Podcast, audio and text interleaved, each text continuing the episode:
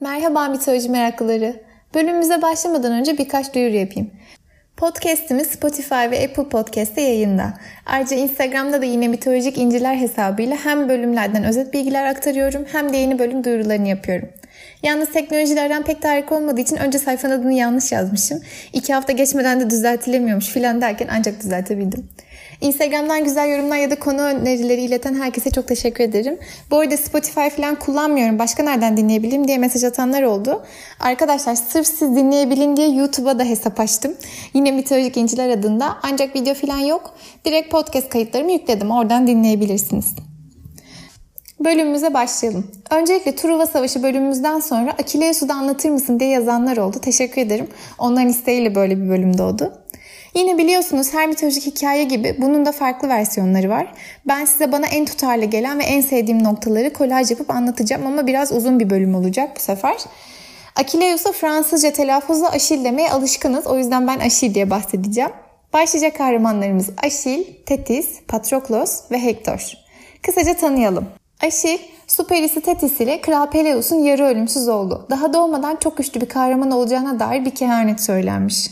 Tetis bir yani su perisi. Bir dönem tanrıların tanrısı Zeus ve denizlerin tanrısı Poseidon da bu güzel periye aşık olup peşinden koşuyorlar. Ama ondan doğacak çocuğun tanrılardan bile güçlü olacağı kehanetini duyunca korkup Tetis'i zorla ölümlü bir kralla evlendiriyorlar. Patroklos kimi kaynaklarda Aşil'in kuzeni, kimisinde de çok yakın arkadaşı olarak geçer. Hatırlarsanız Amerikan yapımı Truva filminde de kuzenlerdi. Ama yaygın inanışa göre aslında birbirlerine aşıklar. Yunanlarda homoseksüel ilişki o dönemde de normal karşılanıyor. Hektor, Truva kralı Priamos'un oğlu, oldukça güçlü bir savaşçı. Aşil'in hikayesi şöyle. Bir ölümlüyle zorla evlendirilen Tetis, Aşil doğduğunda onu topuğundan tutarak ölüler diyarındaki Styx nehrinin suyuna daldırıp çıkarır. Bu sayede Aşil'in nehre giren her yeri ölümsüz ve yenilmez olur. Annesinin tuttuğu topuğu hariç. Babası Aşil'i yetiştirmesi için onu bir sentora yani yarı insan yarı at olan yaratıklar sentorlar bir sentora verir. Sentorların en bilgisi Kiron Aşil'i çok iyi bir savaşçı olarak yetiştirir. Güçlenmesi için de onu domuz, kurt ve aslan ilikleriyle besler. Ancak Aşil 9 yaşındayken Kalkas adındaki bir kahin ileride Yunanların çok büyük bir savaşa gireceğini ve Aşil adındaki bir büyük savaşçı onlarla savaşmazsa savaşı kaybedeceklerini söyler. Bu arada Tetis de geleceği görebilmektedir. Aşil'in bu savaşa girerse öleceğini görür ve bu yüzden oğlunun kaderini değiştirmeye çalışır. Aşil'i kız kılığına sokar ve onu Sikros adasındaki sarayda kızların arasına yerleştirir. Aşil burada kimliğini gizleyerek yaşarken bir gün Kral Agamemnon'un emriyle her yerde onu arayan kurnaz Odysseus buraya gelir.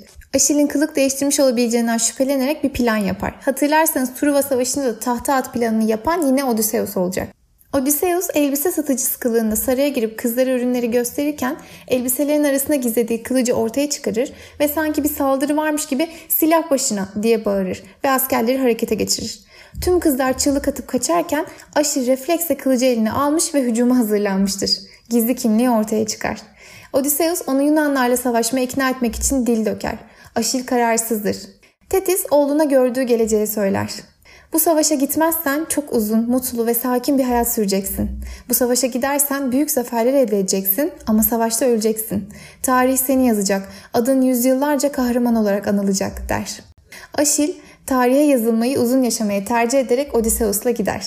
Yalnız bu süre boyunca Aşil çok yakın bir arkadaş edinmiştir. Patroklos. Birbirlerine inanılmaz bağlılardır. Patroklos da onunla beraber savaşa gider. Agamemnon liderliğindeki Yunanlar Çanakkale'ye ulaşıp Truva Krallığı ile savaşa başladıklarında Aşil ve Agamemnon arasında ganimet paylaşımı konusunda bir tartışma başlar. Aşil krallara bile itaat etmeyen asi bir savaşçıdır ve Agamemnon gözü doymaz ve otoriter bir kraldır. Agamemnon Briseis adındaki tutsak bir kızı kendisine ister. Ancak Aşil onun kendi hakkı olduğunu söyleyip Agamemnon'a hakaret ederek kendi askerlerini de alıp savaştan çekilir, çadırına kapanır. Bu olaydan sonra Truva orduları Hektor önderliğinde Yunanları ağır yenilgilere uğratmaya başlar. Aşil'in sevgili dostu Patroklos Yunan ordusunun durumuna çok üzülür ve Aşil'e sen gelmeyeceksen zırhını bana ver ben savaşayım diyerek savaşa gider. Hektor Aşil'in zırhının içindeki Patroklos'u öldürür.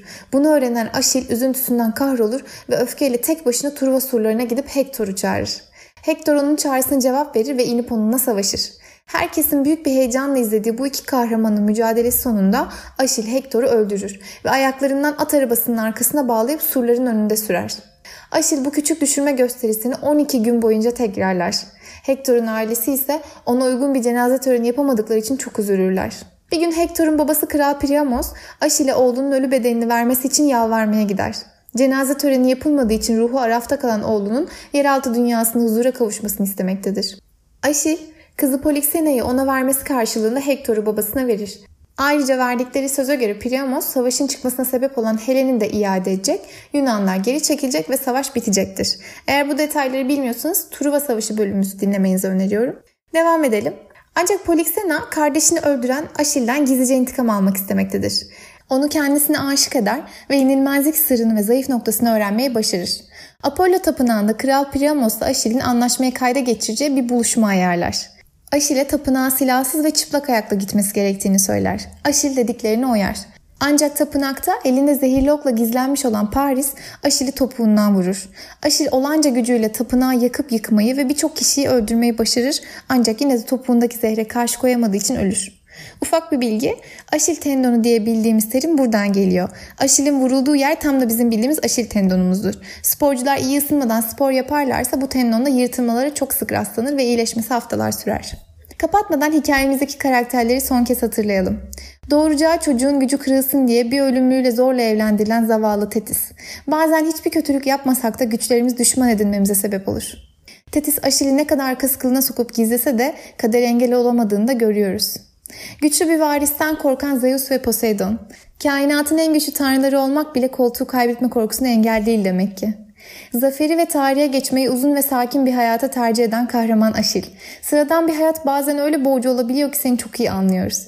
Aç gözlülüğü yüzünden az kalsın Aşil'i ve dolayısıyla savaşı kaybedecek olan Agamemnon. Ne zaman doyacaksın? Acaba eksik olan başka bir şey mi? Sen o boşluğu biat edecek köleler, altınlar ve cariyelerle doldurmaya çalışıyorsun. Ve Polixena. Kardeşinin intikamını almak istemek doğal tabi. Ama yenilmez bir kahramanın sana aşık olup zayıf yönünü açmasına ihanet etmek peki? Bu çok sinsice değil mi? Aşkta bile zayıf yönlerimizi hep bu korkularla gizlemiyor muyuz? Yumuşak karnımızı ne zaman gösterecek olursak oradan vuruluyoruz.